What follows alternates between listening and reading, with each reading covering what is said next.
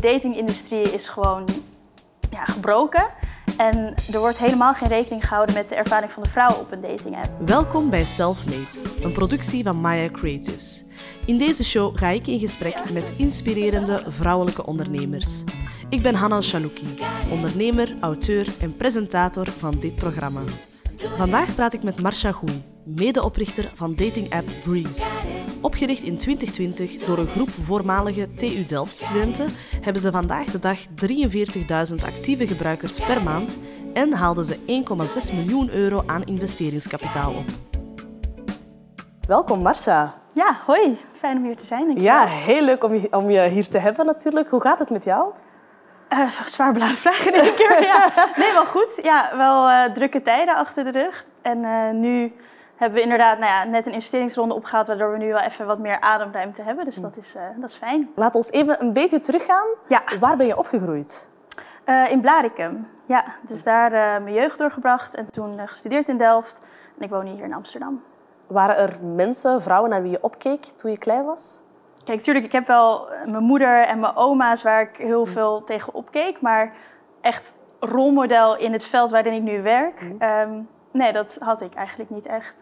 Wist je altijd al wat je wilde worden toen je klein was? Nee, nee, juist misschien ook wel omdat ik dus niet echt rolmodellen had, uh, had ik daar nooit echt over nagedacht. Ik was niet dat meisje wat snoep verkocht op het schoolplein of zo en altijd al wist dat ze wilde gaan ondernemen. Dus dat is echt eigenlijk een beetje toevallig op mijn pad gekomen later in mijn, in mijn leven pas. Ja. Oké, vertel daar eens over. Hoe is jouw ondernemersverhaal begonnen? Um, ja, ik was aan het studeren in Delft, uh, industrie ontwerpen. En um, een paar van mijn vrienden die ik, nou ja, waarmee ik projecten had gedaan, die kwamen met het idee om een soort ondernemerscollectief te beginnen. Dus we pakken gewoon een paar mensen van verschillende faculteiten met verschillende skillsets bij elkaar. En we gaan dan gewoon, nou ja, iedereen heeft wel zo'n lijstje in zijn telefoon met gewoon waarom bestaat dit nog niet, al deze million dollar ideas. Heeft iedereen zo'n lijstje? Nou ja, wij wel in ieder geval. Ik denk ja. dat iedereen wel eens het idee van, oh, dat moet gebeuren. Ja. Wij dachten gewoon, we gaan bij elkaar zitten en we gaan gewoon stapsgewijs al die ideeën langs. En kijken of er wat in zit. Dus um, Breeze was niet het eerste wat we probeerden. We hebben ook nog andere start-ups gehad in de tussentijd. Maar Breeze was wel het eerste, ja, het eerste bedrijf waarvan we dachten... oké, okay, hier willen we echt heel veel tijd en energie in steken... omdat we hier echt heel erg in geloven. En omdat de markt gewoon heel erg leuk is. Je ja, werkt nog steeds met diezelfde mensen uit dat collectief? Ja, ja. dus uh, er zijn er een kleine een paar wisselingen van de wacht geweest... in het aller, aller begin natuurlijk. Mm. Maar inmiddels zijn we echt al drie, vier jaar met deze zeven aan het werk. Nu, Breeze is begonnen op straat je bent begonnen met mensen aanspreken op straat en dan tot het bouwen van een app. Hoe is dat gelopen? We begonnen echt met het probleem, um, de datingindustrie is gewoon ja, gebroken. Iedereen gebruikt datingapps, Tinder, Happen, Bumble. Het zijn allemaal dezelfde principes in een iets ander marketingjasje. Het is gewoon heel veel swipen, mm. heel veel chatten, heel veel geghost worden. Um, het is heel veel emotionele energie die je erin steekt en mm. ook heel veel tijd. En je ontmoet zelden mensen in het echt. En um, toen realiseerden we twee dingen. Dat komt één, omdat die businessmodellen van al die apps draaien om jou verslaafd te maken aan die app. Want dan kunnen ze jou net iets meer advertenties laten zien, net mm. iets meer abonnementen verkopen. Zij willen helemaal niet dat jij op een leuke date gaat. ze dus willen gewoon dat je blijft swipen. Ja, ja, ze zijn een soort van digitale gokmachine. Dat ze gewoon precies weten van... oké, als ik jou nu weer dit profiel stuur... dan blijf je weer even vijf swipes hangen... en dan kan ik je daarna weer dit profiel sturen. En dan... Dus het is gewoon één grote machine gebouwd... om jou een soort van in die app te blijven houden. Um, en nou ja, dus dat was de eerste realisatie. Dat businessmodel, dat, is gewoon, dat, dat zorgt voor vers verschillende intenties. En um, ik had ook wel echt een realisatiemoment dat ik dacht... ja, die apps die zijn gewoon echt veel al gemaakt door mannen. En er wordt helemaal geen rekening gehouden met de ervaring van de vrouw op een datingapp. Mm. Dus daar valt ook heel veel te halen. Wat is dan juist het verschil? Ja, een stukje veiligheid is een heel groot deel. Uh, ik hoor van heel veel vriendinnen dat ze het gewoon heel, een heel naar gevoel vinden... dat zij op een soort stapel profielen staan... waar een soort vleeskeuring binnen een split second wordt bepaald... of ze wel of niet aantrekkelijk genoeg zijn... Um, je krijgt heel veel ongewenste berichten. Uh, en dan moet je zelf op een gegeven moment gaan afspreken om naar een bepaalde bar te gaan of bij iemand thuis af te spreken. Nou ja, er zijn gewoon heel veel stappen in dat proces waarin mensen met kwade intenties daar iets in kunnen doen wat, wat onprettig is. Wij dachten, hoe kunnen wij zoveel mogelijk van dit proces wegsnijden en dan wel mensen op die face-to-face date krijgen waar het eigenlijk echt om gaat. Want dat is waar je elkaar in de ogen kan aankijken of er echt een spark is. En je kan wel weken chatten, maar uiteindelijk... Moet je elkaar zien gewoon. Ja, precies. En Dus, hoe werkt jullie ehm, app dan nu? Ja, nu krijg je een geselecteerd aantal profielen per dag. Dus we hebben een slim algoritme gebouwd die dan eh, nou ja, een set aan profielen voor jou voorschotelt. En als je dan iemand liked en die andere lijkt jou ook, dan heb je een match. En dan kan je niet chatten, eh, maar vul je direct een datumprikker in. En wij organiseren dan de eerste date voor je bij onze aangesloten horecapartners. Leuk. Dus het is gewoon half negen, ergens in Amsterdam ontmoet jij deze persoon en eh, ga maar kijken of het wat is. Wanneer wist je, oké, nu moeten we een app maken? In het begin deden we alles via WhatsApp en via Google formuliertjes. Toen werd het een website. En op een gegeven moment dachten we, oké, en nu gaan we het serieus aanpakken. En toen hebben we die app gemaakt. Want toen je deed via WhatsApp, is er ook iets gebeurd. Je bent uit WhatsApp gekikt. Ja, oh ja. Hoe is dat gebeurd? ja, je moet je dus voorstellen, we deden dus alles via WhatsApp. Er was helemaal niks, er was gewoon al onze klanten, onze daters, onze gebruikers zaten in WhatsApp. We hadden gewoon honderden telefoonnummers, honderden gesprekken met die mensen via WhatsApp. We hadden één telefoon, dat was dan de Breeze-telefoon. En dat was echt, ja, ik had een soort haat-liefdeverhouding met telefoon. Want elke keer als die rinkelde was het stress. Omdat iemand ging bellen van, oh, iemand is niet opkomen dagen. Of iemand is te laat. Of mijn trein is vertraagd, ik kan niet komen naar de date. Want ze hebben zelf geen contact. Ze gingen alles via ons doen. Dus dat was echt chaos. Ehm, nou, dus honderden nummers in die, in die telefoon. En op een gegeven moment ehm, openen we die WhatsApp. En ehm, WhatsApp had ons eruit gekikt. Die had gewoon gezegd, ja, jullie zijn bezig met ja, een soort van praktijken op de datingmarkt, indus- industrie. En dat mag niet via ons platform. Dus eh, weg. Dus een nieuwe simkaart gekocht, erin gedaan. Konden we er heel even in, weer even iedereen bericht sturen van, het komt er goed. En toen waren we er weer uitgekikt. Jullie Dus zaten al op de radar gewoon. Ja, ze hadden dat wel goed door. En toen dachten we, oké, dan moeten we toch eh, ja, een soort onafhankelijk platform gaan maken waarin we zelf kunnen bepalen wat we allemaal kunnen doen en niet afhankelijk zijn van een WhatsApp. Dus eh Dan is de app. even de app gebouwd. Heel even. ja, even. Ja. Je hebt 1,3 miljoen euro opgehaald. Daar zijn veel ondernemers vast jaloers op. Wat doet dat met jou? Ehm, gek genoeg eigenlijk niet zo heel veel. Oké. Nee, ja, het is gewoon, ik zie het heel erg als een, een ehm, middel wat we nodig hebben. Dus ik vind het ook eigenlijk altijd een beetje irritant dat er altijd heel veel focus wordt gelegd op hoeveel geld je hebt opgehaald of hoe groot je team is. Terwijl dat eigenlijk helemaal niet per se indicatoren zijn van dat het goed gaat met jou als bedrijf. Dat zegt niks over hoe gezond of hoe langdurig je bezig bent en of je echt duurzaam aan het bouwen bent. Je werkt dus ook met zes co-founders. Hoe gaat dat? Ja, het is een beetje ongebruikelijk. Ik zou ook niet per se mensen aanraden om meteen met zeven mensen dit te gaan doen. Maar het heeft bij ons wel heel goed uitgepakt. Ehm, we konden, omdat we met z'n zevenen waren, nou ja, had je gewoon heel veel verschillende skills in huis, waardoor je heel lang zelf alles kon gaan bouwen zonder dat je extern geld nodig had. Dus dat je niet echt per se mensen moest in, eh, inhuren. Ehm, maar het heeft wel heel veel eh, energie gekost om zeven mensen nou ja, zo te laten werken dat eh, er voor iedereen ruimte was, dat iedereen elkaar de ruimte gaf. Ehm, ja, en nog extra dingetjes dat het dus zes mannen zijn en ik. En ehm, ja, dat was zeker in het begin ook wel een beetje kalibreren. Word je dan anders behandeld als enige vrouw in een team met zes andere mannen? Ja, anders behandeld worden was denk ik niet echt aan de... Maar misschien was dat ook juist het probleem. Dat ik ehm, eigenlijk... Dat we de verschillen nooit echt hadden uitgesproken. Ik was heel erg bezig met meekomen met de rest. Dus wij, zij, ik had het gevoel dat zij al veel sneller zich comfortabel voelde in dat hele ondernemerschap, in het founder zijn. En ik was daar nog een beetje zoekende in. En ik wist ook niet zo goed of ik dat wilde en of ik het wel kon. En nou, ik was er wat onzeker in. Omdat ik dat zo wegstopte en gewoon meedeed met de gasten en gewoon een soort van mee wilde rennen met hun, eh, hebben we, denk ik, heb ik heel lang soort van dat stukje wat mij anders maakt in de groep een beetje weggestopt. Ehm, totdat dat er op een gegeven moment soort van uitkwam. En toen hebben we het heel veel over gehad. En wat maakt het dan anders voor jou? En hoe kunnen we bepaalde processen anders inrichten, zodat het voor jou ook beter werkt? En ehm, ja, daarin hebben ze me toen heel veel vrijheid gegeven. Was er een aanleiding? Wat gebeurde er dat je opeens dacht, oké, nee, nu wil ik mezelf meer kunnen zijn? Ja, toch een beetje dat imposter syndroom, dat was er altijd al wel een beetje. Ehm, maar het, het grote keerpunt voor mij was een boek wat ik had gelezen. Het heet De Bananengeneratie van Piet Wu. Daarin zag ik opeens allemaal parallellen tussen eh, hoe ik nou ja, als Aziatisch meisje vroeger in een hele witte omgeving me altijd aan het assimileren was. En ja, probeerde bepaalde dingen weg te stoppen. En ehm, toen ik die parallellen zag met waar ik nu mee bezig was in die tech scene, met al die mannen om me heen, ehm, toen klikte dat verschil zeg maar heel erg. En toen heb ik dat aangekaart. Ik heb toen een soort van mijn hele levensverhaal met hun gedeeld. Daar zat ik jankend op die bank soort van te vertellen hoe mijn jeugd was en, en waarom ik dingen op een bepaalde manier zie. En ehm, ja, dat was echt een soort switch in onze samenwerking. Hoe reageerden zij daarop? Ja, ik, ik heb daar heel veel geluk mee gehad dat ze daar echt heel veel begrip voor hadden. En ze schrokken ook wel heel erg, omdat ze zich nooit zo gerealiseerd hadden dat ik me heel erg aan het aanpassen was in de groep.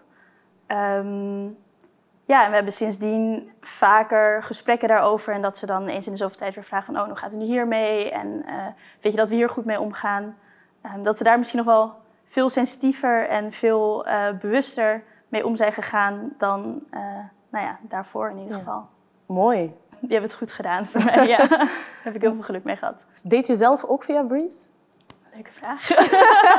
En die moet ik natuurlijk wel ja, vragen. dat wordt me vaak gesteld. Ehm, ja, nee, ik, ik deed zelf ook via Ja, dat moet ook wel, toch? Je moet Ja. wel eens in de zoveel tijd weer even ervaren hoe dat, hoe dat product... Zeker omdat ik ook op product zit, zeg maar. Dus ik eh, werk voornamelijk aan de app. Dus ehm, ja, je moet wel ervaren hoe dat is voor de, voor de daters. En hoe is dat dan voor jou? Ja, best wel raar.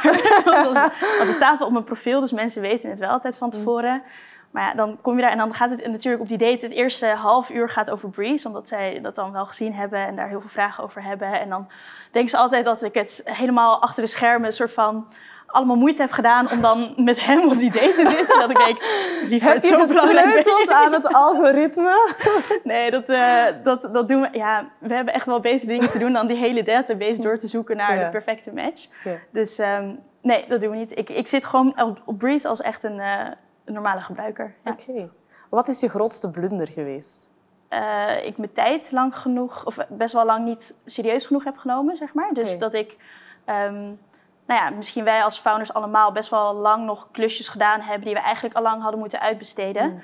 Maar ehm, ja, omdat je dan toch nog genoeg met je, met je voeten in de modder wil zitten en nog genoeg connectie met je gebruikers wil hebben. Dus wij hebben nog steeds dat wij eigenlijk eens in de zeven weken hebben wij nog steeds helpdeskdienst in de avond. Dus als mensen via Breeze een vraag hebben, dan komen ze bij ons. Of als ze, ja, ze kunnen ons ook altijd bellen. Dus als ze op een date zitten of een vraag van tevoren hebben of onderweg zijn naar een date, dan bellen ze ons wel eens met iets. Ehm, en wij zijn nog steeds de mensen die de telefoon af en toe opnemen. Is dat nog steeds diezelfde telefoon? Ehm, nee, we hebben nu wel een systeempje dat het doorschakelt Ja. naar je eigen telefoon. ik was vanochtend dus nog die telefoon. Ik werd om half acht wakker gebeld, weer door iemand. Wat was het probleem? Ik heb het niet opgenomen. ja, je wou even geen klantenservice zijn. Ja, dus toen om negen uur heeft iemand anders het overgenomen, heeft die case eh, afgehandeld. Maar ja, dat soort dingen zijn wel dingen dat ik op een gegeven moment denk van... oké, we moeten wel ehm, ook energie in de juiste dingen gaan steken. En eh, ja, dat doen we nu. Selfmade is nooit echt selfmade. Hè. Je, hebt natu- Ja. je hebt natuurlijk heel hard gewerkt, hè, jij en je co-founders.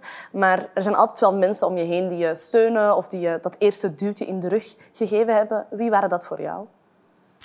Nou, ik heb sowieso denk ik heel veel geluk gehad met mijn ouders. Dat die, want ehm, dat heb ik helemaal niet verteld, maar we waren dus aan het studeren, dit ernaast gedaan, 20 uur in de week. Dat werd steeds meer en op een gegeven moment dachten we, oké, we stoppen met de studie, we gaan dit gewoon fulltime doen.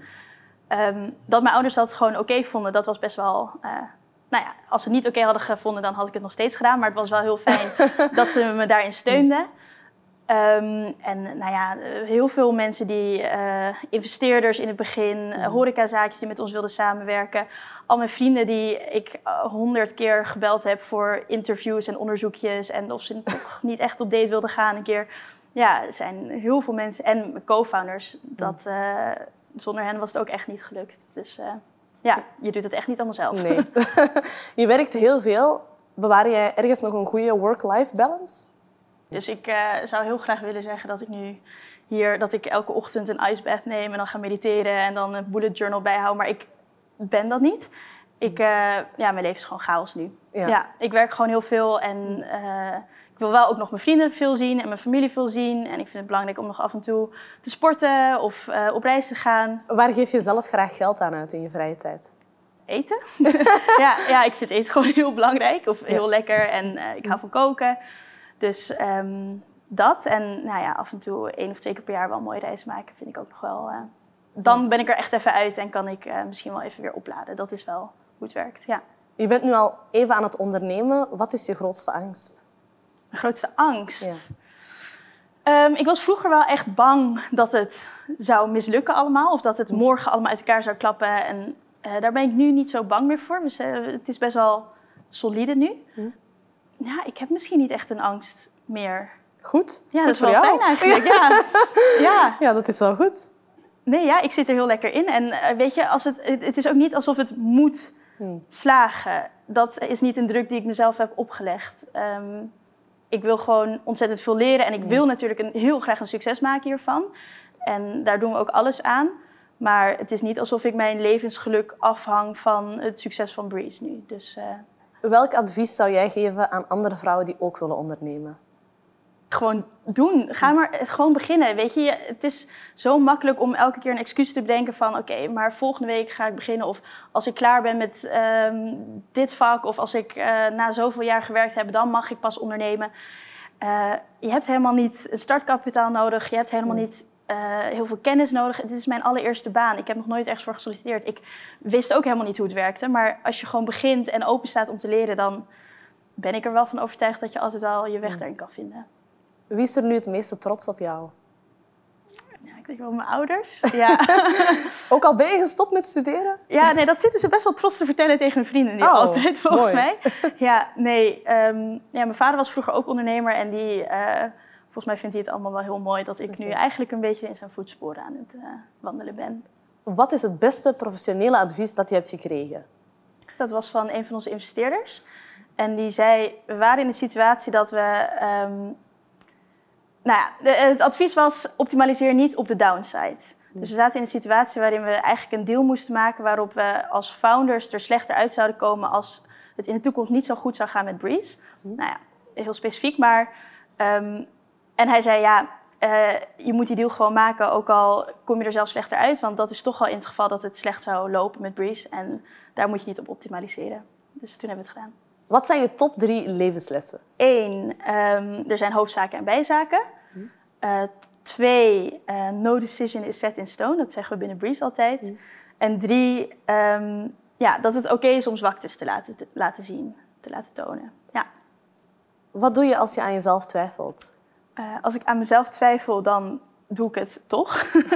dus eh, ja, er zijn eh, vaak genoeg momenten geweest dat ik super zenuwachtig was voor een pitch of voor een presentatie. En nou ja, dat ik dan in de wc sta en daar denk, oké, waarom doe ik dit ook weer? En dan, nou ja, doe ik even zo en dan loop ik naar buiten en dan ga je het doen. En dan is het vaak gewoon prima. Ja. Wat zijn jouw plannen voor de toekomst?